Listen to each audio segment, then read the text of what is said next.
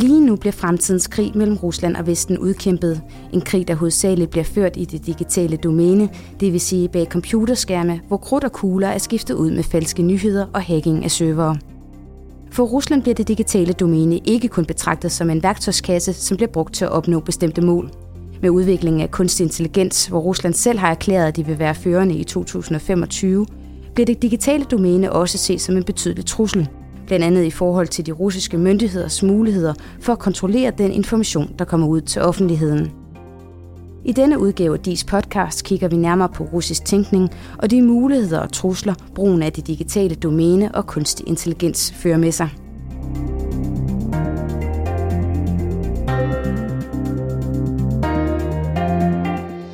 Velkommen til endnu en episode af DIS podcast. Mit navn er Sara Gro, og med mig i dag i studiet har jeg Flemming Spidsbol Hansen. Du er seniorforsker her på DIS og forsker blandt andet i russisk indrigs- og udenrigspolitik. Velkommen til. Tak skal du have. I dag skal vi tale lidt om russisk tænkning og Ruslands brug af det digitale domæne. Du har lige skrevet et uh, DIS policy brief, som hedder Inside the Russian Digital Domain. Her nævner du blandt andet, at det digitale domæne bliver set som en slags kaos-knap af russiske eksperter. Kan du uh, fortælle mere om, hvad det her kaos består af? Ja, det kan jeg. Øh, digital domæne, som jeg ser det, er et af tre domæner. Øh, det fysiske domæne, det er digital domæne, og så det vi kalder et kognitivt domæne, og det vil altså sige et domæne, der hvor tænkningen sker. Og jeg forestiller mig det sådan lidt, og det er også den måde, jeg normalt illustrerer det på her, at det digitale domæne ligger imellem det fysiske og det kognitive, altså et domæne i sin egen ret, men også et domæne, som griber ind i de to andre domæner, og som kan, man kan bruge til at nå ind i de to andre. Og der kan vi sige, at et digitalt domæne, figurerer meget prominent i en del af den tænkning, som knytter sig til det, vi kalder hybridkrig. Og der er mange forskellige definitioner på hybridkrig. Min egen det er, at det er en blanding af nogle kinetiske og ikke-kinetiske virkemidler, det vil sige sådan lidt mere forsimplede øh, militære og ikke-militære virkemidler. Øh, men der kan man bruge digitale domæner også til at skabe kaos, som man siger i russisk tænkning. Og det er altså en form for kaosknap, man kan skrue op og ned, det kan man, når det gælder hybridkrig, men det kan man også med brugen af digital domæne, altså for eksempel øh, ødelægge en del af den digitale infrastruktur, for eksempel telekommunikation, eller måske øh, det, der svarer til dankortsystemer, eller noget tilsvarende. Og hvis du kan give et nærmere eksempel på konkret, hvordan kan man bruge det til at, at skabe kaos? Jamen det kan man for eksempel ved at, øh, at angribe en del af lad os sige, transportinfrastrukturen, som jo også er baseret på nogle digitale systemer, altså hele den digitalisering, som sker der, en, øh, en central styring, øh, som jo er rigtig smart, men som også gør systemerne mere sårbare. Øh, det kan være betalingssystemer, det kan være kommunikationssystemer, det kan være systemer, som er i sundhedssektoren. Der er mange forskellige øh, muligheder selvfølgelig for at gå ind og påvirke på den her måde. Øh, og det er noget af det, man ser på også, selvfølgelig i Rusland, men også fra vestlig side, hvordan kan man forsvare sin egen digitale infrastruktur, men hvordan kan man også bruge det digitale domæne til at gå ind og påvirke andres digitale infrastruktur, hvis man synes, det er det, der er nødvendigt. Og hvilke konsekvenser kan det have? Ja, det, det kan jo få enormt store konsekvenser. Nu har vi jo indtil videre kun set øh, små sådan episoder, øh, hvor man tester lidt måske. Øh, vi har eksempler på, at man fra russisk side, siger man i hvert fald i Storbritannien, har angrebet en del af den øh, Øh, de digitale platforme, som man bruger i sundhedssektoren. Øh, vi har set det i banksystemer, vi har set det på øh, informationsplatforme, øh, men det er noget, der, der forskes meget i, også selvfølgelig i militær regi, og det gør der rundt omkring i verden, og det gør der sådan set også i Danmark, der sidder vi også og kigger på den slags. Altså hvordan man kan, man kan ødelægge noget for andre, hvordan man kan blokere for noget, og hvordan man kan måske ligesom øh, umuliggøre nogle af de, øh, de operationer og de indsatser, som de ellers ville have gjort. Mm. Og du skriver også, at det digitale domæne ikke kun bliver set som en mulighed for Rusland, men også som en betydelig trussel for regimet. Kan du forklare lidt nærmere om det? Ja, det øh, har jo at gøre blandt andet med informationssikkerhed, og det er blandt andet det, som, som jeg forsøger at pointere i, i, i det, jeg har skrevet. Og der er, jo, der er jo flere aspekter i det. Hvis vi bare starter med det, øh, så er det jo sådan, at, at, øh, at russerne i dag også får mange af deres informationer via nettet, øh, og der er også en masse af den digitale infrastruktur øh, i Rusland, som, som er afhængig af det, og som, hvor, hvor man altså skulle kunne udveksle information på samme måde, som vi også gør i, i, i banksystemer osv. Øh, og der er en frygt for, at dels den digitale infrastruktur kan blive ramt, altså ved angreb, men måske også, det er i hvert fald, hvad kritikere siger, at der kan være for meget information, som bare sådan flyder rundt. Øh, det vil sige, at russerne har for meget adgang, for let adgang til, øh, til kritisk information, øh, som er på nettet. Det kan være øh, internetudgaver af aviser og tidsskrifter, det kan være nyheder, der bliver bredt på de sociale medier osv., og det vil man gerne kontrollere. Øh, tal indikerer, at øh, de russiske myndigheder de blokerede op for, for op mod 500.000 øh, internetsider i 2018. Og der holder man jo altså simpelthen øje med de her enkelte sider, og så vurderer man, er det her noget, som den generelle øh, offentlighed skal have adgang til, eller skal vi blokere dem? Og der blokerer man altså mere og mere. Øh, og der ser vi jo, specielt i de her autoritære øh, stater, som Rusland jo også er, at man er bekymret for sin digitale infrastruktur, det er vi jo sådan set alle sammen, men man er også bekymret for, at information bare kan få lov at blive udvekslet mellem øh, mellem medieplatforme for eksempel øh, og, og forbrugere eller internt på de sociale medier, eller hvad det nu skal være. Og hvad gør man så helt konkret i Rusland nu for at modstå sig det? Ja, så har man øh, et, et helt nyt tiltag, som er en slags russisk internet. Man kalder det Runet, og det er faktisk øh, i foråret øh, 2019 blevet gennemført ved lov. Så nu går man klar til at rulle den ud, således at man, når man når frem til 2020, er ved at være klar til at kunne som lidt populært sagt, trække stikket på det øh, globale internet, og så bare køre videre på et russisk internet, eller et intranet, kan man måske nærmest kalde det, et enormt russisk intranet. Og ideen er, som man siger fra officielt hold, at hvis der kommer et cyberangreb på Rusland, på den digitale infrastruktur, forskellige aspekter her, det kan selvfølgelig også have nogle militære øh, aspekter, jamen så kan man hurtigt trække stikket, man trækker ligesom de her digitale vindebroer op, og så er man, så er man isoleret, og så kan man klare sig ved egen kraft. Øh, kritikere siger jo i stedet, at, at det der faktisk ligger i det, det er, at man forsøger at centralisere øh, udbuddet af information. Så kritikerne siger igen, at det handler egentlig ikke så meget om den digitale infrastruktur, det handler mere om at kunne kontrollere information i det russiske samfund. Så når man kan centralisere, når man blokerer for adgang til internetsider, når man blokerer udbud, øh, og når man forsøger at begrænse man sige, trafikken mellem Rusland og den omkringliggende verden, jamen, så kan man i stigende grad også stadig mere avanceret kontrollere den information, som russerne kan få adgang til. Kommer det til at ske, det her, en blokering i 2021? Ja, det, det vil det nok. Øh, det ser i hvert fald ud til, at, at man vil forsøge. Og der var forlydende om, at Rusland her i, øh, i omkring slutningen af første kvartal 2019 ville gennemføre en test, og det vil sige, at man ville prøve lige pludselig at trække stikket til et globalt net. Og det skete ikke, og det skete i hvert fald ikke i det omfang, som det var forventet. Øh, og der har man måske alligevel tænkte, vi var ikke helt klar. Øh, lad os lige vente og se, hvad, hvad vi kan nå at, at gøre, ikke? Om, om vi er sikre på, at det her det vil fungere. Øh, men jeg tror bestemt, man, man vil forsøge at bevæge sig i den retning. Øh, og en del af inspirationen kommer fra Kina. Man skal huske på, at russerne har sige, deres teknologi er mindre avanceret, og så har de jo også et mindre marked, og det betyder også, at det er vanskeligt for dem at gennemføre den her slags. Og så nævner du også det her med, med spredning, altså Rusland har med spredning af, af desinformation og falske nyheder. Kan du prøve at fortælle lidt nærmere omkring det også? Ja, det, det er jo noget, vi har talt om øh, i, i, igennem flere år, og som også kommer til at vare lang tid. Øh, og desinformation, eller også for den sags skyld brug af regulær information, er jo også noget, som kommer ud via de digitale domæner. Så der ser vi altså den her sammenhæng mellem de digitale domæner og det kognitive domæne. Og igen, det kognitive domæne, det er jo der, hvor der sker en læring. Det er der, hvor blandt andet, hvor folks politiske præferencer ligger, og det er der, man kan gå ind og påvirke deres politiske præferencer, for måske få dem til at stemme på en særlig måde. Og der er en enorm forskning lige nu i, i, i Rusland, og det er noget af det, jeg forsøger at følge, om sammenhæng mellem de to domæner, altså det kognitive domæne og, øh, og det digitale domæne. Altså hvordan man kan gå ind og påvirke folk via brug af nogle af de redskaber, som i dag ligger i, øh, i øh, det digitale domæne. Og hvordan spiller de konkret sammen, de to domæner? Jamen, de spiller sammen på den måde, at, øh, at det meste af den information, vi får i dag, jo er båret via øh, de digitale domæner. Altså vi får det jo via øh, tv-stationer, vi får det via internet, vi får det via øh, nyhedskilder på nettet, vi får det via sociale medier på nettet, øh, og, og det er jo der, vi i dag henter information, det der, øh, den bliver bragt til os. Og det giver nogle nye muligheder for at øh, komme ud til rigtig mange mennesker øh, meget hurtigt øh, og forholdsvis effektivt. Øh, nogle af de eksempler, som, som vi har, det er jo blandt andet fra USA, øh, russisk indblanding i præsidentvalget i 2016. Og øh, Moller-rapporten, som øh, kom her i, i, øh, i øh, april 2019, anslår, at russiske Facebook-reklamer målrettede amerikanske vælgere, de nåede om, ud til omkring 126 millioner Facebook-brugere.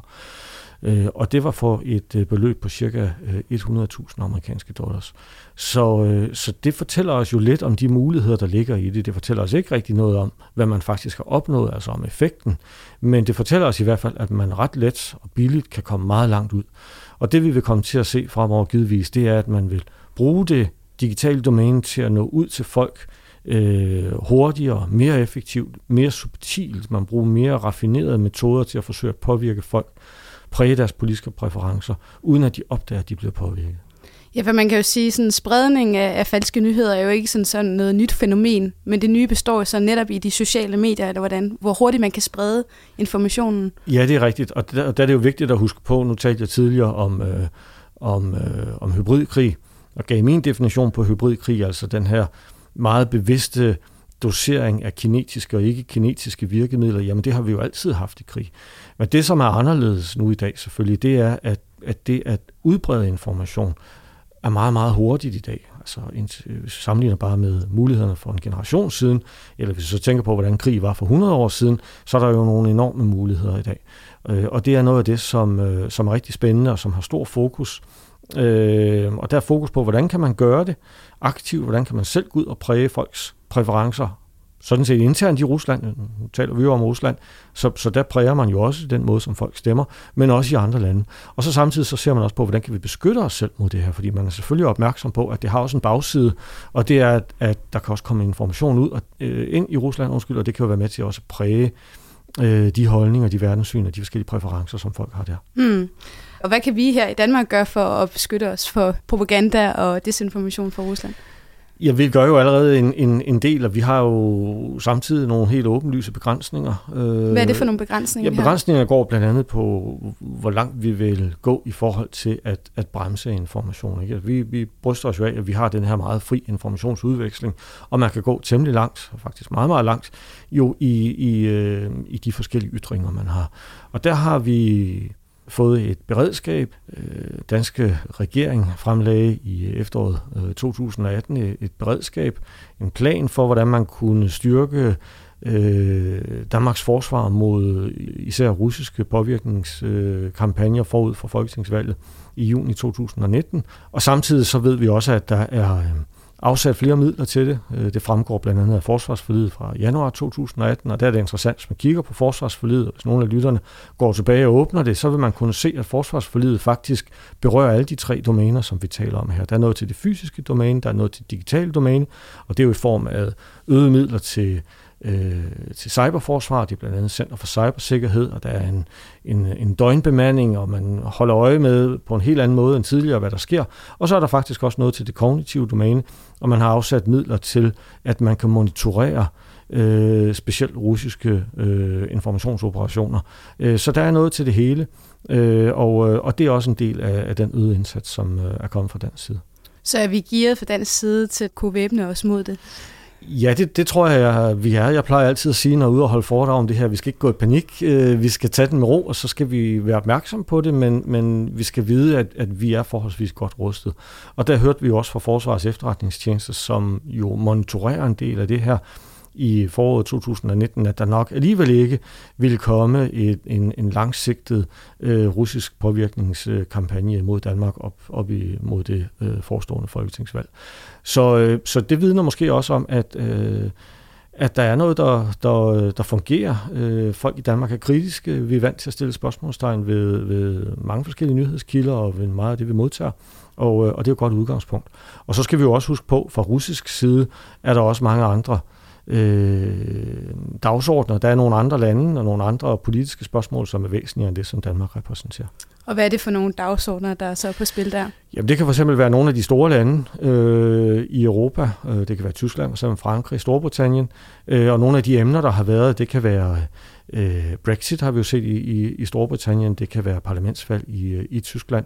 Øh, der kan være nogle konkrete spørgsmål også, som, som Rusland kan have en interesse i at gå ind og påvirke. Øh, Øh, og der er det vigtigt også at huske på, at nu taler vi meget om desinformation, men en en stor del af det, vi ser, størstedelen af det, vi ser, det er jo ikke desinformation som sådan. Det er regulær information, men det er information, som er brugt enormt skarpt. Det vil sige, redaktionelt og, og journalistisk er det meget, meget skarpt vinklet. Og det, sådan lidt for simpelt kan vi sige, det de russiske medier ofte præsenterer, det er jo fordelene ved det ene system, og så alle ulemperne ved det andet system, og så kan folk jo selv vælge, hvad de foretrækker. Så det er meget ensidigt, det der kommer. Så det, jeg hører dig sige, det er faktisk, at desinformation er kun halvdelen af det, vi egentlig skal have fokus på. Det andet er skarpvinkling og repræsentere en del af virkeligheden, og så undgå at repræsentere den anden, som vi også skal være opmærksomme på. Ja, præcis. Det er meget, meget fint øh, formuleret egentlig. Også fordi i takt med, at vi forsøger at, øh, som man siger, at forsvare os imod det her, blandt andet ved forskellige former for lovgivning måske, øh, så skal vi være opmærksom på, at så vil forskellige aktører jo skal som sige, forsøge at, at slippe igennem de små huller, der vil være alligevel. Og den måde, jeg plejer at beskrive det på, det er, at det er, en, det er et læringskapløb.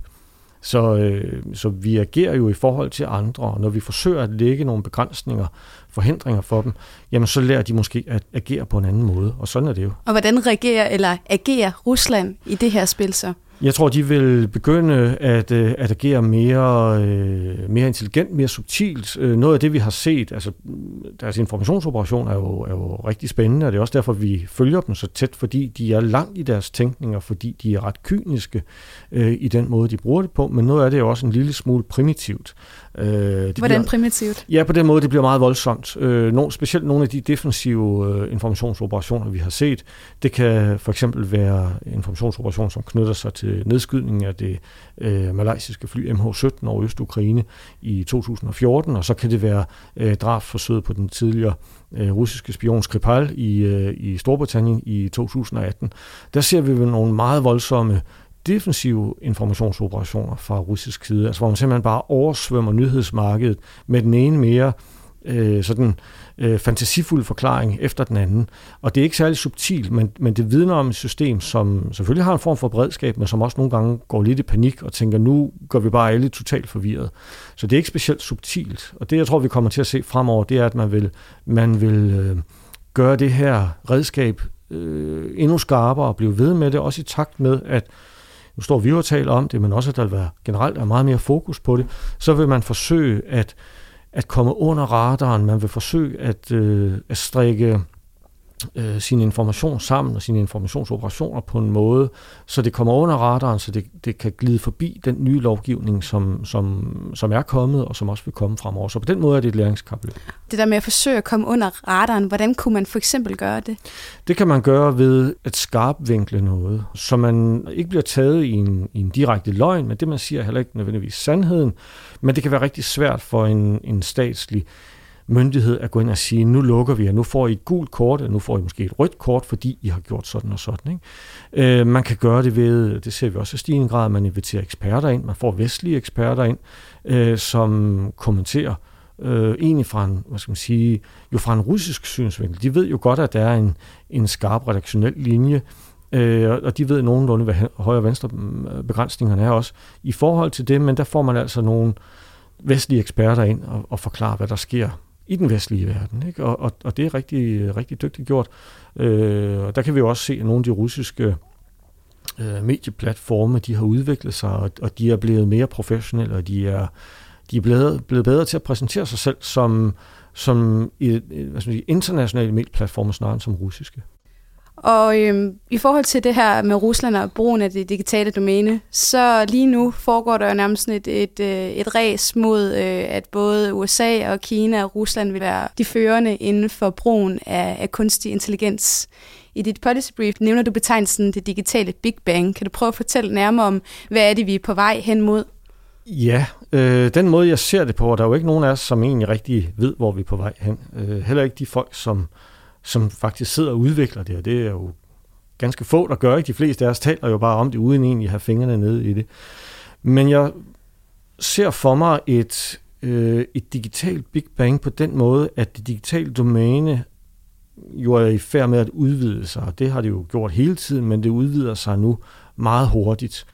Og at forskellige aktører, og det vil primært være stater, det vil også være andre, men det vil primært være stater, fordi det er stater, der har flest ressourcer, de nu løber hen mod hjørnerne i håbet om ligesom at være, ikke den, der kommer først, fordi der vil ikke være noget punkt, hvor man siger, nu er vi ved, ved, ved, ved, ved, ved væggen. Fordi det noget, hele tiden udvider det, fordi sig. det hele tiden udvider sig. Så man vil blive ved med at løbe, men man vil gerne være den, der, der er længst fremme. Og det er der to grunde til. Den ene er, at så kan man bedst finde ud af, hvordan kan man bruge det her aktivt i forhold til andre, men også så man defensivt, det er den anden årsag, kan forsvare sig imod nogle af de risici, der ligger i det her nye digitale domæne. Det er selvfølgelig fremdriften af, af kunstig intelligens, den fortsatte udvikling der, som, øh, som driver det her nu, og som driver det så, øh, så hurtigt.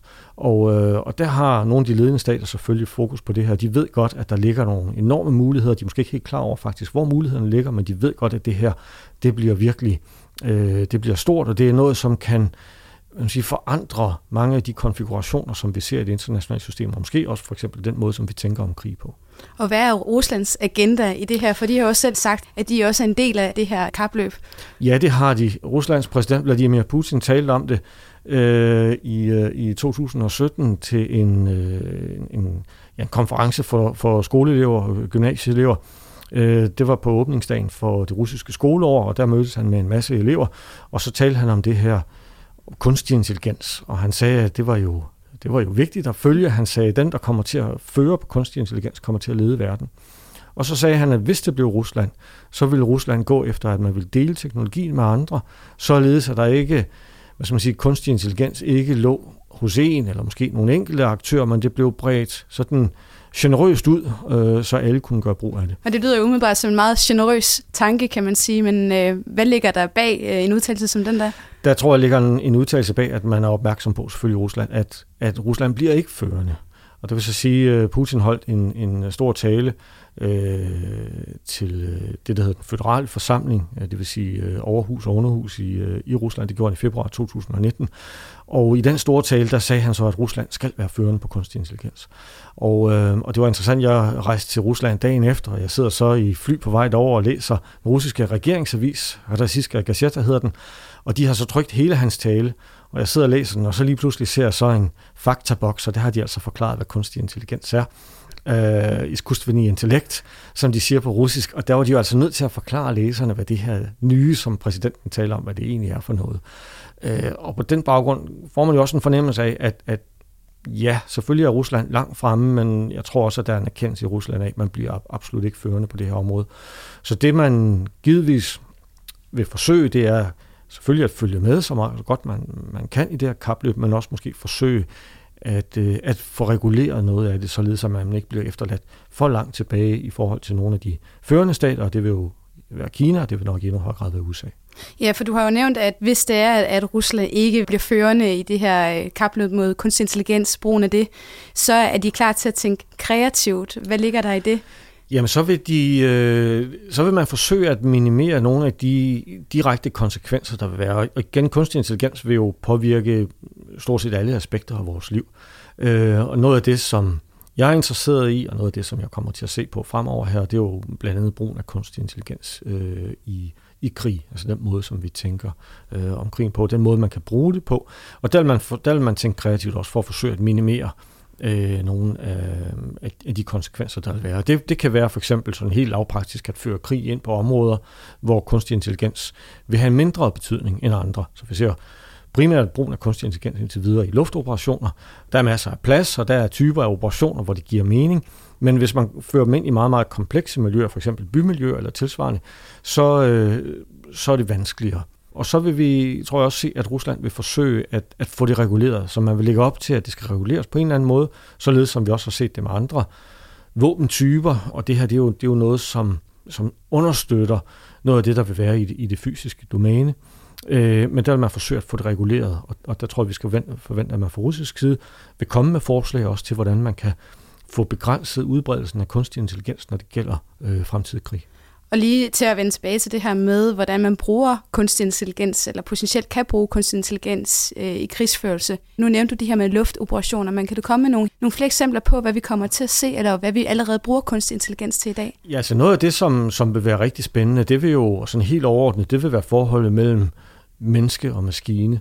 Altså hvem, hvem giver egentlig ordre til hvem? Og der er vi jo der i dag, at, at mennesker giver ordre til maskiner. Og, øh, og det kan jo være sådan noget som, som droner, for eksempel, som øh, affyrer missiler. Der har vi jo set en, en stor stigning i, i, antallet af, af droner. Der, I USA i dag bliver der uddannet flere dronepiloter end, end, øh, end traditionelle piloter. Øhm, og, og de sidder jo og styrer dem, og der er nogen, der træffer en beslutning om, hvornår skal der affyres et, et, et missil. Det vi øh, snart kommer til at se, det kunne være øh, maskine til maskine, det vil sige altså maskiner, som indhenter information, bearbejder information, og på den baggrund også træffer øh, beslutninger, og som giver ordre til maskiner om at foretage sig noget. Og så rundt om hjørnet, og måske et stykke ned ad vejen, så har vi så den er jo meget, meget interessante øh, og, og, og komplekse udvikling og, og etisk enormt udfordrende udvikling, som er, at mennesker vil begynde at, få, at modtage ordre øh, fra maskiner.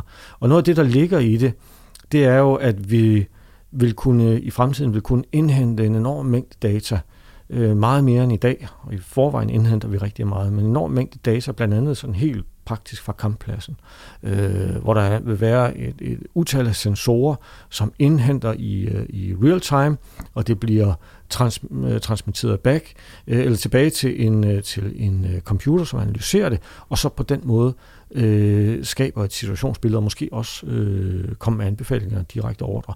Øh, og det vil alt sammen blandt fordi, at mængden af data vil være så stor, så vil det være vanskeligt for mennesker at, øh, at håndtere det. Og der vil man kunne udvikle computer, algoritmer, som øh, vil kunne bearbejde det meget, meget hurtigt. Og vi ser det allerede på efterretningsområdet, hvor vi også begynder at få en automatisering og en autonomisering af, af visse dele af analysearbejdet. Nu er Danmark jo nok ikke en af dem, der kommer til at, vinde det her kapløb i forhold til kunstig intelligens, men hvordan skal et land som Danmark forholde sig i, i det her spil? Ja, vi skal jo forholde os som andre stater også. Det er klart, der er forskel på, på stater med, med store kapaciteter og, og så små kapaciteter, men vi skal jo være opmærksom på, at vi skal beskytte os selv. Øh, I digitale domæner, og det er der jo stadig større fokus på. Nu nævnte jeg forsvarsforlidet fra januar 2018. Og der er jo et tydeligt digitalt aftryk i den i, i forhold til forsvar sig mod cyberangreb. Og så, øh, så bruger vi det jo også aktivt, og det gør vi, det ved vi jo i dag. Forsvars efterretningstjeneste siger, at vi har offensive cyberkapaciteter.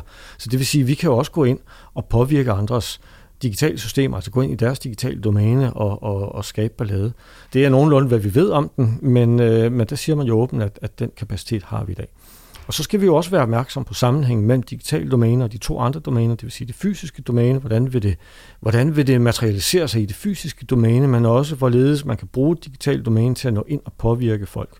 Øh, og det sidste især er jo noget, der har fundet for ja, øh, 2000 og og 17, 2018 og 2019, og vi ser det jo med beredskab, og vi ser det med, med forskellige planer for det. Vi ser det jo også med, øh, med en opdatering af, af den milde spionagebiograf, øh, paragraf for eksempel. Altså det er jo noget, der kommer ind mange, mange steder, hvor man tænker, nu er vi nødt til at lave et service-check på, hvor stærke er vi faktisk i forhold til... Altså det kognitive domæne, hvor præcis, stærke er vi? Præcis, ja. hvor, hvor stærke er vi der? Øh, har vi lovgivning, som tager højde for de muligheder, som, som de digitale domæne i dag giver? Øh, eller, eller skal det opdateres? Og der har altså været et, et flertal, som synes, at at der skulle man også opdatere øh, spionagelovgivningen, øh, således at man var bedre rustet til at kunne håndtere de udfordringer, som kan komme fra det digitale domæne. Nu har vi jo øh, snakket om mange af de her trusler, som kunstig intelligens kan føre med sig, og cyberangreb osv. Kan man også vente om at sige, at kunstig intelligens også kan bruges til nemlig netop at bekæmpe nogle af de øh, falske nyheder, der bliver spredt? At der rent faktisk er et positivt aspekt i det også? Der er et positivt aspekt. Man kan øh, for eksempel bruge øh, kunstig intelligens til at, øh, at bekæmpe desinformation. Det kan øh, detektere øh, desinformation. Man bruger det allerede til at øh, detektere hate speech, altså det vil sige hadfulde ytringer, og ligesom markere og trække et flag op, når der er noget, og så kan man gå ind og fjerne det eller blokere osv. Jeg vil sige, øh, jeg er ikke specielt optimistisk, når det gælder det, og det skyldes netop, at, at som jeg har sagt tidligere, at det er øh, læringskapløb i, og der ved vi fra læringskapløb generelt, at folk, som tænker kreativt, folk, som virkelig vil øh, forsøge at opnå et eller andet, og de vil komme forbi en form for lovgivning, som er sat op, nogle restriktioner, nogle begrænsninger, og foranstaltninger, som er, ikke? jamen de har også tit mulighed for det. Og et af de eksempler, jeg bruger, når jeg er ude og holde foredrag om det her, og skal forsøge ligesom også at, at forklare det, det er, det, det er meget dramatisk, alt for dramatisk måske, men det er jo, det er jo international terrorisme. Og den ved, vi ved jo, den er der. Der er jo ikke nogen af os, som kommer til at opleve, at det forsvinder igen. Det er der, og der skal vi hele tiden, og det vil vi blive ved med, være på vagt, og vi vil tænke kreativt om, hvordan, skal, hvordan kan vi begrænse terroristers muligheder for at agere. Og det gør vi via lovgivning, det gør vi via overvågning, det gør vi via en lang, lang række redskaber. Og alligevel lykkes det jo af og til. Og det ved vi jo. Øh, det gør det desværre. Og det er jo fordi, vi kan ikke lukke alle huller. Så nogle gange tænker de enormt kreativt om, hvordan kan de komme forbi nogle af de begrænsninger, som er blevet lagt ud. Og det samme er jeg sikker på, at vi vil se på desinformations- og på informationsområdet. Vi forsøger med nogle af de samme ting, men det er et læringskapløb. Vi skal ikke gå i panik over, at vi, vi er bagud. Vi skal bare passe på, at vi ikke kommer et helt skridt bagefter. Det skal måske være et halvt eller et kvart skridt. Men så kan vi også sagtens lære at leve med det på samme måde, som vi også lever med international terrorisme i dag så kan vi også håndtere den udfordring, som kommer fra, øh, fra desinformation og mere generelt sådan fra, øh, fra informationsmiljøet. Og hvem tror du, der vinder det her øh, kapløb om kunstig intelligens? Ja, det, det tror jeg bestemt, at amerikanerne gør, og, og, og kineserne vil være meget, meget tæt på. Og, øh, og der er jo en, en sandsynlighed for, en risiko for, at der kommer et stort gennembrud. Altså folk taler blandt andet inden for det militære område, og igen skal vi huske på, at kunstig intelligens kommer jo til at berøre alle aspekter af vores liv. Men inden for det militære område, der er nogen, der sammenligner det med andre store gennembrud, som for eksempel stealth-teknologien, hvor amerikanerne var førende, og så også atomvåben, hvor amerikanerne også var førende. Øh, og det ligesom efterlader de andre stater tilbage på perronen, fordi når først man har fået det her gennembrud, så er man altså så langt foran, at det er vanskeligt for de andre at indhente det. Men der tror jeg, vi vil se, at, at kineserne selvfølgelig også ligger sig virkelig i selen for det her. Det ved vi også. De siger, at de skal være førende på kunstig intelligens i 2030, så der er virkelig et kapløb i gang øh, og, øh, og det vil få nogle enorme konsekvenser. Og det får konsekvenser ind i det fysiske domæne, altså hvor det får en form for materialisering, og så vil det få konsekvenser også ind i det kognitive domæne, fordi stater vil kunne benytte nogle af de her øh, nye redskaber til at gå ind og forsøge at påvirke folk på en helt, helt anden måde, end de har gjort indtil videre. Vi må se, hvad der sker. Tak til dig, Flemming Spidsbol Hansen. Og hvis du vil læse mere om brugen af det digitale domæne, så kan du downloade Policy Briefet Inside the Russian Digital Domain på dis.dk. Og husk også, at du altid kan abonnere på DIS podcast på den app, du bruger på telefonen, og på den måde få besked om nye episoder. Tak for nu. thank you